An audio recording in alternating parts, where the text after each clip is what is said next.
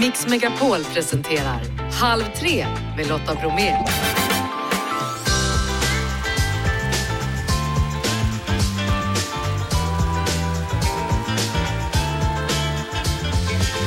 Hallå där och varmt välkommen in i Halv tre-studion. I dagens torsdagsmix, vårens herrmode med Oskar Arsjö.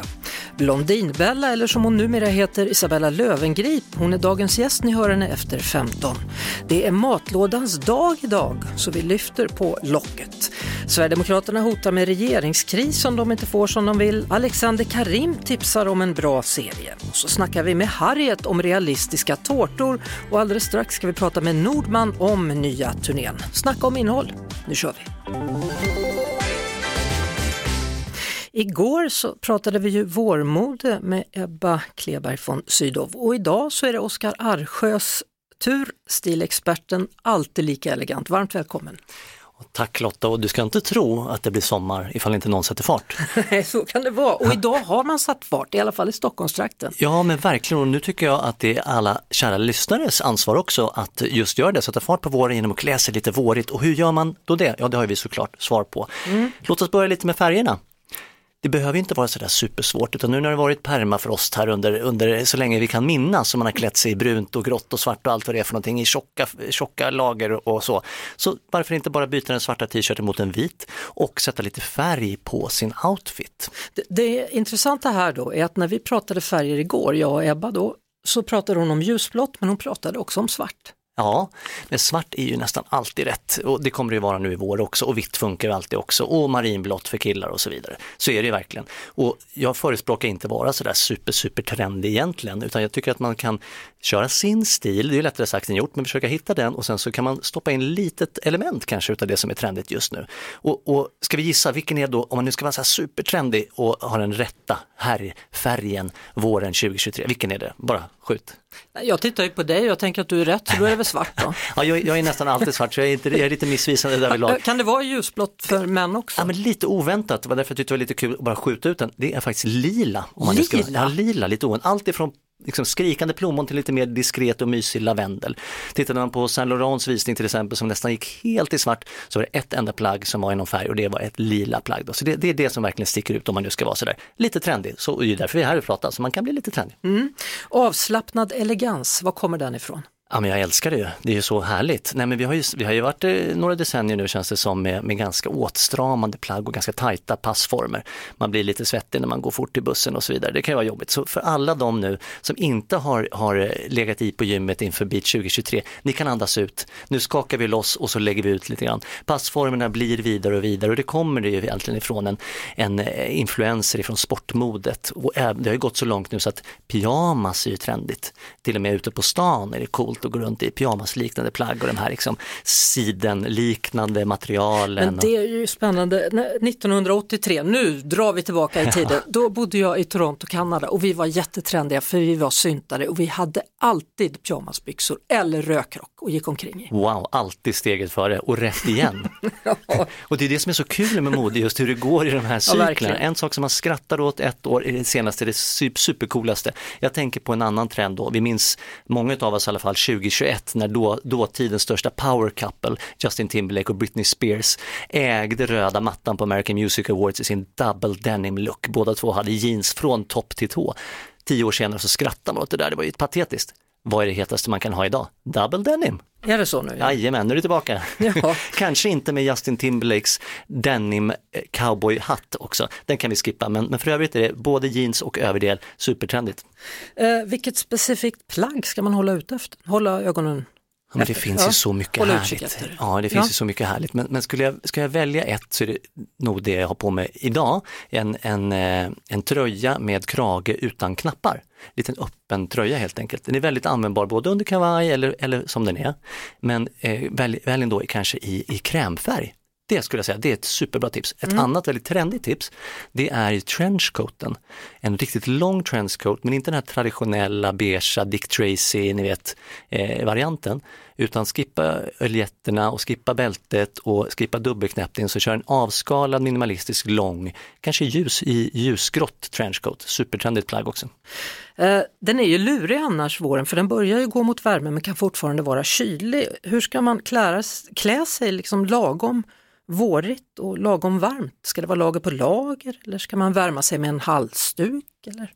Ja, varför välja? En liten scarf kanske då? Jag känner just, det är klart att det är lätt att ta på sig den här tjocka vinterjackan, men vi är ju så trötta på den och då tycker jag helt klart att vi kör lite lager på lager istället. Och västen är väldigt användbar, gärna en ljus då. Återigen, vi pratade innan, innan låten här om krämfärgat, en krämfärgad väst är ju supersnyggt och väldigt användbart. Och sen så en liten lättare silkescarf kanske istället för en halsduk. Och sen flera lager så du kan ha din vårjacka eller jeansjacka eller vad du nu är sugen på. Så håller man ju värmen ganska hyfsat mm. med en tröja under det. Medan det verkar gå mot lägre midja på byxor då vad gäller tjejsidan så verkar den högre midjan vara inne för killar, är det så? Ja, det börjar skava i armvecken snart här, det, vi går uppåt och uppåt. ja. Helt ja. klart. Så det ska vara så, höga jeans? Ja, men hö både ja. lite högre jeans och lite högre finare byxor och chinos, absolut. De här mm. riktigt låga avslöjande varianterna, de, de är inte helt rätt i modet just nu. Vilket material är det som gäller då? men denim är väldigt stort och i alla dess färger. Man kan ju ett par svarta denim så blir de ganska dressade och också just lite vidare raka passformer. Det är också, ska man verkligen så här, okej okay, jag, man tänker gubb, pappa jeans tänker man och då tänker många kanske ett par väldigt pösiga, men pappa jeans idag för, för ungdomarna det är ju de här riktigt ålskinnstajta. Så att det, ska man vara lite trendig så köp ett par lite vidare raka jeans skulle jag säga. Accessoarerna då, du nämnde scarfen, är det keps eller hatt? Ja men nu pratar vi riktigt trendigt då, så det var ju få som missade mellanakten på Mello när Danny Saucedo gled in i en psykedelisk look närmast. Och det såg lite lustigt ut för de flesta och det kan det ha varit, men det är väldigt trendigt. Så det här rave-modet är ju en trend som är nu, med alltså neonfärger och det han hade på huvudet. På, på huvudet. Det ser ut som något mellanstort lamadjur har krupit upp och döttar upp eller någonting. Men en liksom fluffig fleecehatt, supertrendigt men lite extremt kanske. Ja.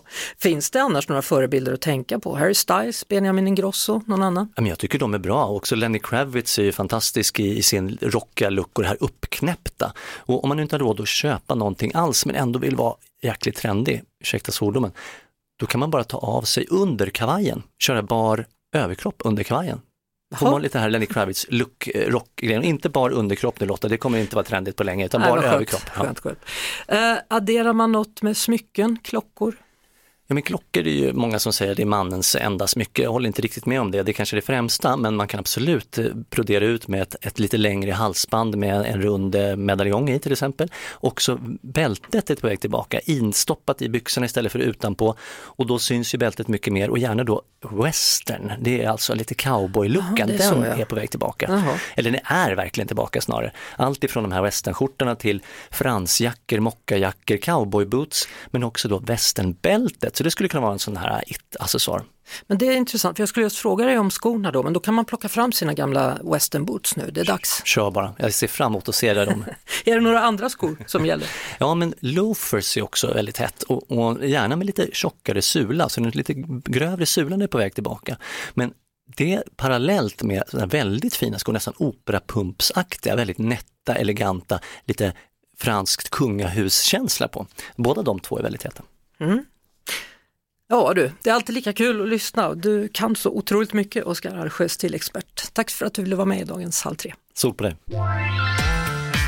Halv tre med Lotta Bromé på Mix Megapol. Dags nu att tala med Mats Wester från Nordman här i Mix Megapol. Hallå där Mats! Ja men hej på dig! Du, alltså tänk, ni som nästan pratar om att lägga ner Nordman, så fick ni då en nytändning efter att ha varit med i Så mycket bättre i höstas och sen blir det Mellon och nu ska ni ut på en vårturné också. Ja, det kan man tänka sig hur det kan gå. Från ja. noll till, till det här. hur känns det? Ja, det känns jätteroligt. Vi, vi, vi har liksom um, hittat igen till uh, lusten och glädjen efter den här tråkiga pandemin här. Om ni då jämför 90-talet då, där ni slog igenom då med hits som Vandraren, Be mig och Förlist, är det en helt annan publik ni möter idag eller är det de gamla fansen som fortfarande hänger kvar? Alltså, jag vet inte. Det är väl lite blandat tänker jag. Vi har inte mött våra fans riktigt ännu. Men vi kanske får göra det nu på turnén här. Mm, det var ju tredje gången då som vi såg er i, i Melodifestivalen och ni hamnade ju lite, lite långt ner då kanske i tabellen där, men här på Mix Megapol så är ju er låt en av de allra populäraste från årets Mello. Hur, hur ser ni själva tillbaka på Melodifestivalen? Ja, men alltså, kul att höra att det, att det, att det är en publik gillar vår låt. Ja. Börja med. Men, men eh, det var en, en, det är en superrolig resa att göra på Melodifestivalen. Det är ju... eh, det är tre, vi var med i tre veckor nästan i rad. Ja precis. Det är ju eh, mycket glädje, mycket, mycket eh, festligt liksom och eh, otroligt kul att träffa alla människor runt omkring och artisterna. Och vi hade mycket kul tillsammans där också. Mm. Hur är det med nyckelharpan då? Är den färdigstämd och klar för turnéstarten imorgon? Den är nystämd och eh, redo för eh, en, eh, en drabbning här nu. Ja. Eh, Har ni repat eller kör ni som vanligt lite på gehör? Ja, vi, ja, men vi kör lite, vi har repat i helgen här. Vi har ju kört med samma killar i bandet sedan 15 år tillbaks. Så att vi lägger till lite nya låtar varje gång så att vi behöver inte jättemycket rep. Nej. Men vi är supertaggade och eh, det ska bli jättekul att få ta med sig de här nya låtarna också. Det är ju premiär imorgon i Gävle då, och där är det såklart utsålt och sen fortsätter ni med nio stopp till och avslutar i Sundsvall den 6 maj. Hur, hur många nyckelharpor brukar du ha med dig när du är ute och turnerar? Alltså, jag har med mig en bara. Jag har byggt den själv så att eh, jag har koll på att den funkar. Så att om den går sönder då, då vet du hur du meckar ihop den igen. Ja, jag tar med mig lite verktyg om det skulle hända någonting. Eh, hur är det med riden hos er? Har ni någon? Ja, vi har en rider eh, faktiskt. Det ska man ju ha. Jag tror att vi har um, bubbelvatten och jordnötter och en fruktskål. Och där var det stopp. Ja, men ungefär. Snacka om rock. också. Ja, rock, rockstjärneliv, verkligen Mats. Ja, ja men alltså, vi, vi tycker att när vi är på, på konserter och jobbar, så, då är vi på jobb. Liksom. Vi gick inte på jobbet. Självklart. Eh, Mats Wester, hälsa till Håkan också då och lycka till på den här turnén då som ni far iväg på imorgon. Ja, men tack så hemskt mycket. Ja. Och nu lyssnar vi såklart på mellolåten. Halv tre med Lotta Bromé på Mix Megapol. Dags nu att hälsa henne välkommen Isabella Lövengrip. Tack så mycket. Ja, många känner ju till dig under det gamla namnet. En del kanske fortfarande tänker Blondinbella, när försvann det och varför? Oj, det var faktiskt jättelänge sedan. Det var kanske åtta år sedan som jag slutade, som jag döpte om alla kanaler. Ehm, ja, Mm. Varför valde du det namnet från början? jag var 14 när jag valde namnet så jag hade väl ingen plan riktigt. Nej. Men du började så himla tidigt, du var bara 14 år liksom. Ja, Och startade egentligen hela den här eh, grejen med influencers, med bloggar etc. ja hela influencerbranschen var jag först i Norden. Men man kunde aldrig tro att det skulle bli vad det är idag. Nej, vad trodde du det skulle bli då när du började, när du var 14? Jag tror att jag tänkte att de här bloggarna skulle vara någon form av förlängd digital dagbok bara som florerade på nätet. Minns du vad du skrev om första gången? Ja, nej men jag försökte, jag gick in i en roll där, jag var ganska mobbad i skolan under den här tiden. Så jag låtsades vara Blondinbella som var just en mycket häftigare tjej än vad jag kanske egentligen var. På vilket sätt var du mobbad? Vad hände då? Nej men jag hade inte så mycket kompisar och var utfryst av olika skäl. Ehm, Så då var det mycket lättare för mig att få låtsas vara att det var lite flärd och lite killar och lite champagne och även fast jag var 14 och det var väl därför som jag fick eh, mycket följare för att det var ett liv som inte en sån ung tjej ska ha. Men allt var fejk. Och vad hände sen då? När Så- slutade du med fejket? Ja, ehm, inte så många år efteråt. Ehm, jag driver på eh, 11 olika företag och fokuserar mer på att bygga bolag och investera i företag. Så ganska snabbt så lämnade jag väl den här vad säger man, modebloggsfasen utan att använda mina kanaler sen och Facebook och så för att bygga företag. Hur kommer det sig att du var så bra på det, att bygga företag? Hur visste du liksom hur du skulle göra? Ja, men av de här 11 så har sju misslyckats. Okej. Men det är ändå fyra som har fungerat. Ja, de har gått bra. Eh, Ja, jag tror att man får bara testa och prova och kanske ha lite med sig att de flesta entreprenörerna har bolag bakom sig som inte alltid lyfter och, och det är helt naturligt. Mm. Och nu har du startat eh, podden då tillsammans med Anna Björklund som heter Fint, fult och pengar där du ska få möjlighet att prata annat då än entreprenörskap. Så vi pratar mer annat alldeles strax. Det är Isabella Lövengrip som är dagens gäst, aktuell bland annat då med eh, podden Fint, fult och pengar som du har tillsammans med Anna Björklund. V vad betyder det, fint, fult och pengar? Vad står det för? Ja, nej men eh, fint, fult handlar om att det är finkultur och fulkultur. Och pengar handlar om helt enkelt om, om näringslivet, börsen, allting som är pengar i världen så det är väldigt brett. Och eh, själva tanken med podden är att vi ska blanda, vi ska mixa kultur med näringsliv i podden varje vecka. Och um, just att man tar ett helhetsgrepp kring vad som händer med Silicon Valley Bank till um, Oscars eller om det är någon nu med matpriser i Sverige, att vi hela tiden försöker hålla oss aktuella. Ja, hur tänker du kring det med matpriser i Sverige? Det var ju kul att du sa det nu, för att jag hade tänkt fråga dig vad du har i dina matlådor, om du nu har matlådor, för det är matlådans dag idag. Ja, um, ja, nej men um, det är klart att man, att man tänker till lite mer eh, kring allt just nu. Mm. Att just det här att extravaganta livet kanske inte är så populärt och det kan till och med kännas lite så här vräkigt att ta in en stor skaldjursplatå just nu. Men har du matlåda, är du sån? Eh, nej, det har nej. jag inte, men jag har inte den, den kontorsmiljön eh, heller. Nej. Eh, du har ju liksom kämpat på, eh, både med dina företag men också med dig själv. Mm. Och du var i en tuff punkt i livet när du var 29 år. Vad var det som hade hänt då som gjorde att du hamnade där? Mm. Ja, som jag nämnde lite innan att som entreprenör har man mm, upp toppar och dalar eh, och för mig så har det väl varit ganska extremt upp och ner och sen framförallt så har man media som har bevakat en samtidigt så det är ju jobbigt. Men, eh, nej, men jag gick från att vara driva stora bolag och till att behöva hamna i en situation där jag nästan gick i personlig konkurs några månader senare. Mm. Eh, och, och um, det, det, tuffa var väl att förlora allt som man hade eh, byggt upp under många års tid som man verkligen har, har kämpat för. Mm. Så då var det ett tag efteråt där som jag mådde väldigt dåligt.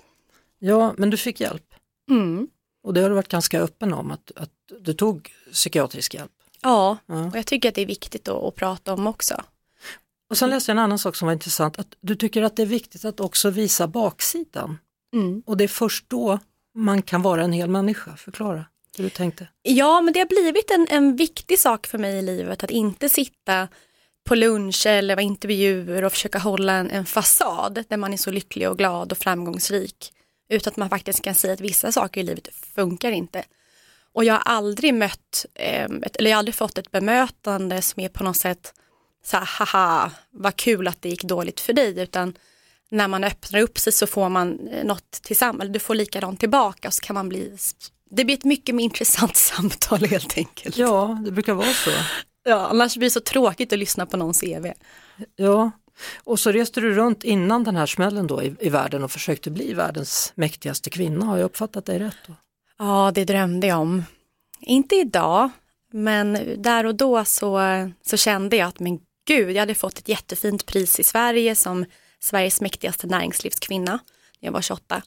Och då kände jag att men nu ska jag till andra sidan Atlanten och lyckas där.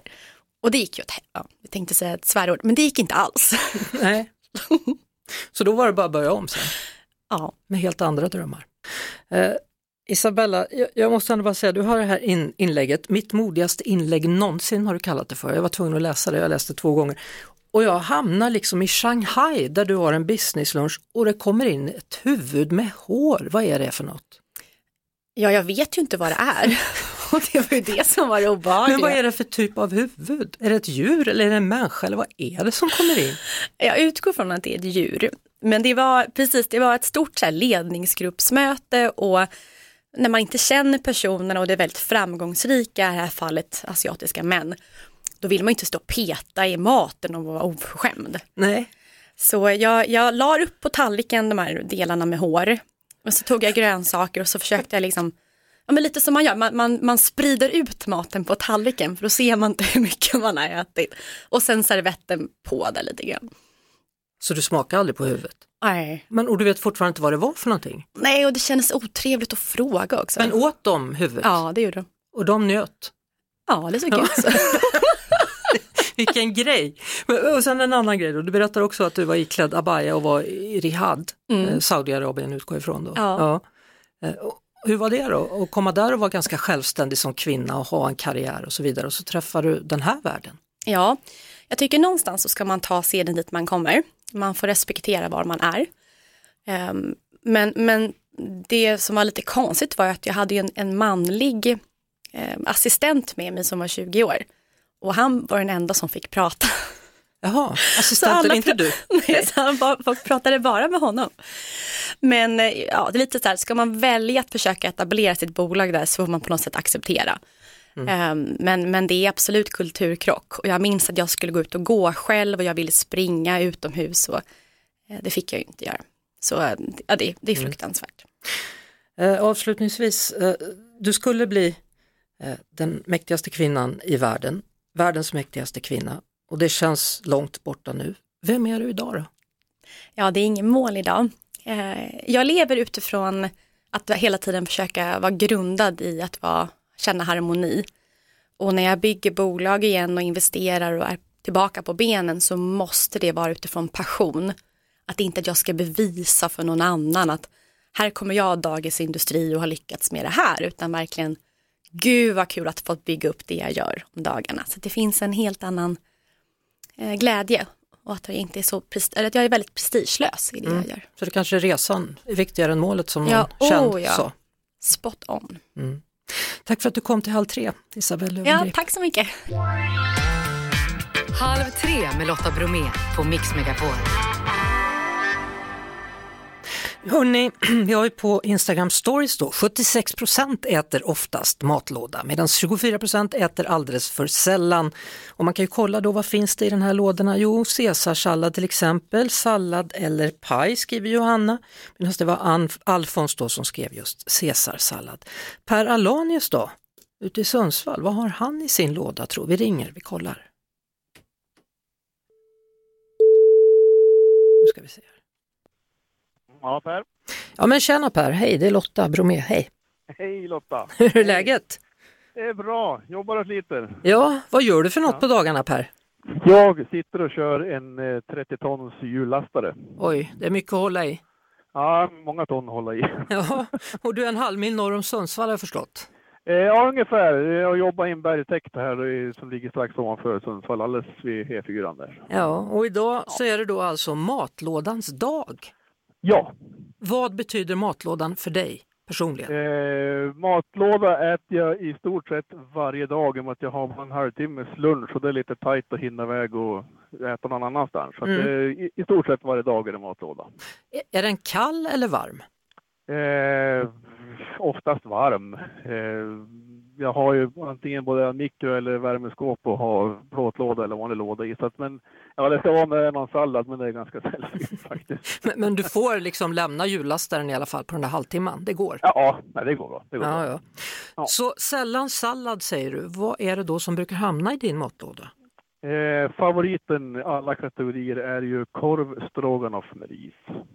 Jaha, varför, varför är den så bra? Ja, men alltså, jag upptäckte på ålderns höst här och att det är ganska trevligt att laga mat och då hamnade jag in på Marcus Aujalays Youtube-kanal och han gjorde en stroganoff smaksatt med tre olika sorters senap och dill. Alltså har du inte provat den så, ah, det är helt sjukt. Den är så god. Den Hur ofta- så god. Hur ofta äter du den då? Alldeles för ofta tror jag. Jaha, vad säger familjen? Ja, de är lite less på han, men eh, jag spicat till den med något annat silver också. Nej, men den är, den är jätte, jättegod och, och perfekt att ha i låda och slänga i värmeskåpet så är han, så är han varm till, till lunchen. Där. Ja. Är det till och med så att, att du liksom har en gammal hederlig plåtlåda? Ja. Wow! Känns inte det lite så nostalgiskt? Ja, lite så, men det, det, det blir liksom lagom varmt. Man slänger in den på nio fika så är han varm till halv tolv när man ska äta lunch. Så det är perfekt. Det låter ju utmärkt. Vad ska du göra resten av eftermiddagen här nu då? Eh, jag ska jobba till fyra, sen ska jag åka och handla middag. Kanske blir det en falukorvsring, man vet aldrig. Så att, eh, får vi se vad vi hittar på för middag ikväll. Och sen vad gör du då? Du skär upp den i bitar och sen tre sorters senap i där. Ja, man, man eh, fräser korv och lök och sen eh, har man tomatpuré och mjöl och sen fräser man det och sen har man eh, mjölk och grädde som är uppvärmd i med där puttrar en stund och sen sätter man i eh, skånsk senap, dijonsenap och en söt senap och så lite salt och peppar och så har man dill i på slutet. Ja, det är tydligen den som gör det, eller? Dillen. Ja, dillen är viktig alltså, den kan man inte vara utan. Kul att du lyssnar Per Alonius och stort tack för att du ville dela med dig av din matlåda. Tack själv Lotta, ha det bra. Detsamma, hej då! Hej, hej då. Halv tre med Lotta Bromé på Mix Megapol.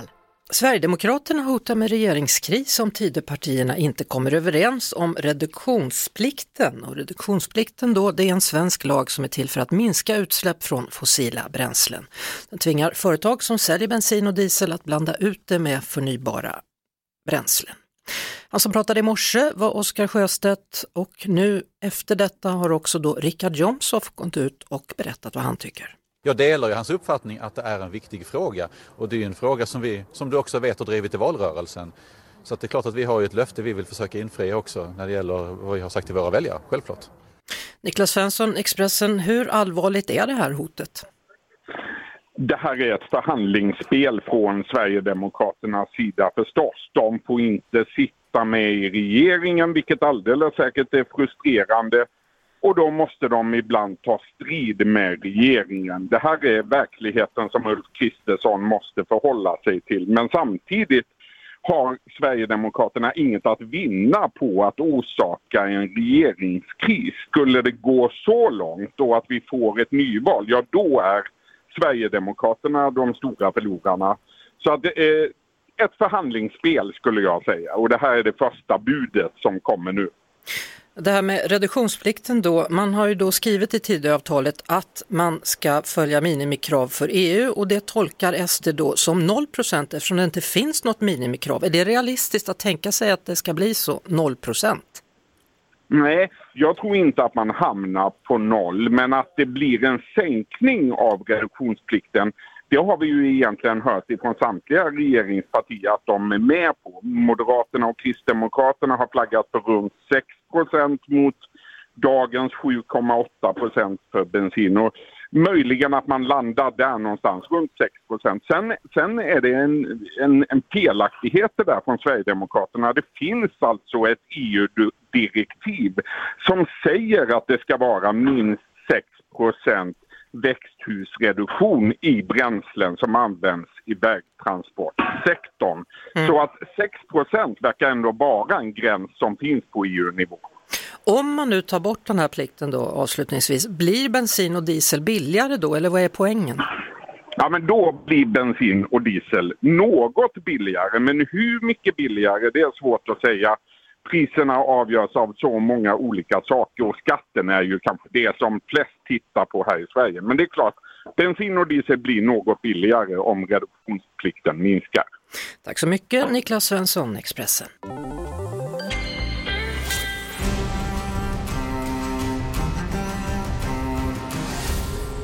Film och serier. Då är det dags för Bytte bytt med Alexander Karim. Eh, jag är så glad för du har ju avslöjat att du tittar på Hajo, att du gärna tittar på dokusåpor. Varje kväll. Ja. ja. Är det dokusåpor med kärlek inblandat eller kan det vara typ folk som bygger någonting eller öppnar sådana här du vet, fack där de ser saker? Det kan vara vad som helst. Jag, jag gillar eh, alltså när man pratar om ancient civilizations och sånt där. Det där kan jag torska. Jag kan sitta i timmar, en hel, ett helt dygn försvinner. När det gäller Hajo så kan det vara mycket hemmafruar i olika länder och städer ja. som jag tycker är trevligt. Och min fru lika så, hon är inte oskyldig i det här. Men också sån här Selling Sunset, känner du till Selling Sunset? Nej. Selling Sunset, det handlar alltså om ett gäng som säljer bostäder i eh, Hollywood, Beverly Hills, i Los Angeles.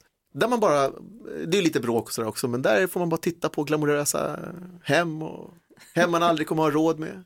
Fast du har väl ett ganska fint hem, har du inte det? Jo, jag älskar mitt hem. Ja. Eh, många av de hemmen skulle jag inte vilja ha. Men, men, ändå, eh, ändå. Titta på. Men, men jag är väldigt torsk på sånt där, du vet, kärlek vid första ögonkastet kan jag tycka är fantastiskt. Sånt är kul. Eller 90 Days Fiancé. Du, den har jag inte sett, men jag har hört mycket gott om den. Åh, den är så bra. Du då, måste se den. Det tänker jag. Ja, men då nu. rekommenderar jag den till dig då. Ja. Har du sett Love is blind? Nej. Den går på Netflix. Vänta, det är inte den när folk är nakna? Nej, Nej, utan det är den när de går in i små rum och inte ser varandra, det är en vägg emellan. och så ska de okej. fria till varandra till slut och säga ja att gifta sig med någon de aldrig har sett. men de har pratat med varandra. De har pratat med Ja, varandra. Ganska djupa samtal, det är det som är lite spännande tycker jag. Det skulle jag kunna se. Ja. Eller before the 90 days, vad som händer innan de kommer hem till USA. Och, alltså du, du, det är bara att gräva. Ja, det finns mycket. Eller här, I jag. love a mama's boy. Vilken då? I love a mama's boy. Det är tjejer som har blivit ihop med en kille som absolut inte kan vara utan sin mamma så hon blandar sig i allting. Reser de bort då kommer hon farande och han vågar inte säga nej och du vet går de på middag då kommer hon, hej hej. Ja. Den är bra, den rekommenderar jag också. Det, fan, det, ja, men Ja, nu, här har du ett helt gäng, Ja. du ska få min lapp här sen. Tack så mycket. Ja, det är bara att säga bytte bytt. va? Bytte bytt. Bytt, bytt. Halv tre med Lotta Bromé på Mix Megapol. Då gör vi ett nytt försök med Harriet Kyolaba från Helsingborg som bakar verklighetstrogna tårtor. Hallå Harriet! Hej Lotta! Ja du, allt ifrån snusdosor till böcker. Varför? Ja, varför inte? Jag tänkte att det, ju, det finns alldeles för många som bakar vanliga tårtor och det vill jag ändra lite på. Ja, minns du när du åt din första tårta i livet? Eh, nej du, det gör jag faktiskt inte, inte så här på rak arm. Nej, Mi- minns du när du tillverkade den första verklighetstrogna tårtan då? Ja, det är ungefär fem och ett halvt år sedan och den såg inte verklighetstrogen ut, men det var tanken. Vad var det för någonting du hade gjort? Det, det var en liten väska, det skulle vara en väska, men eh, ja, nu när jag tänker efter så har jag inte en aning om vad det såg ut som. Nej. Eh, Nej. varför började du med det här? Alltså, vad är det folk vill ha? Alltså, nej men grejen är ju det att eh, vi, jag är med i Maria, Maria Gospel, så åkte vi till Chicago och sen eh, var alla så här jättespända på liksom och ville köpa designerbags och så. Och då kände jag att ja, men det vill inte jag lägga pengar på, så när jag kom hem, då från ingenstans tänkte jag att jag ska börja baka och då började jag med min lilla väska som var jättekonstig, men från det så började jag utveckla mig mer och mer. Så till slut bakade jag min första Michael Kors-väska som jag borde köpt till Chicago antagligen. Ja. Men det blev en tårta istället. Vad- vad är roligast att baka nu då, när du börjar få, få igång kunskapen? Åh, alltså den bästa tårtan tycker jag är nog polisbilen. Jaha, var det, det, på... var, Ja. Det var mycket detaljer och den ser verkligen ut som en polisbil plus att jag tog nummerplåt från eh, Helsingborgs polis. Så att jag hoppas att de ser den någonstans. ja. Men, Ja. men hade de beställt den då eller var det du själv som bara Nej. kände att Det, det är faktiskt en eh, familj som beställde den till sin lilla dotter som fyllde fem för att hon vill bli polis. hmm, Så de ville överraska henne med en polisbiltårta. Vilket är det svåraste uppdrag som du har fått då? Orgel, kyrkorgel. Kyrkoorgel? säga. Ja. Hur gör man den Det- i tårtform? Åh herregud, ja det finns bild. Jag får väl skicka det till dig, det är väldigt svårt att förklara. Ja, det får du väldigt gärna hela- göra. Det är klart Ja, du ska absolut. göra. Ja, så jag Ja. ut det på, på min Instagram då, Lotta Bromé. Det, det får jag göra, tack så mycket. Ja. Eh, Ja. vad, vad bakar du just nu då? Eh, Just nu, ja, jag, ja, den senaste tårtan jag gjorde var ju till eh, Hemlösas hus, värmestuga i Helsingborg. Ja, För att de firade tio år, så det blev en säng. ja. Ja. det var väl ja, bra. Det är ju något som vi tar för givet, men som inte alls är givet för dem. Självklart. Ja, Och hoppas Ja. att sängen smakade gott dessutom. Det gjorde den. Ja. Det sa de till mig att den gjorde, så, att, eh, ja, så det var kul Ja. att höra. Du, jag måste bara Verkligen. säga det Harriet, du, du har säkert koll på Netflix att det finns ett program som heter Is it cake? Ja, ja, det har jag faktiskt sett. Ja, jag tänkte någon det. gång, ja. Det måste ju vara ditt favoritprogram. Där ska man alltså avgöra, är det en tårta eller är det Eller en... inte. Ja. Ja men precis, jag får vara ärlig att jag, jag bara sett det en gång. ja, ja, man kan jag se brukar det. motivera mig själv. Ja, Ja, men det är bra. ja. Stort tack för att du ville berätta om dina tårtor och glöm inte skicka bilden då Harriet. ja men absolut, tack Ja. så hemskt mycket och trevlig helg. Detsamma!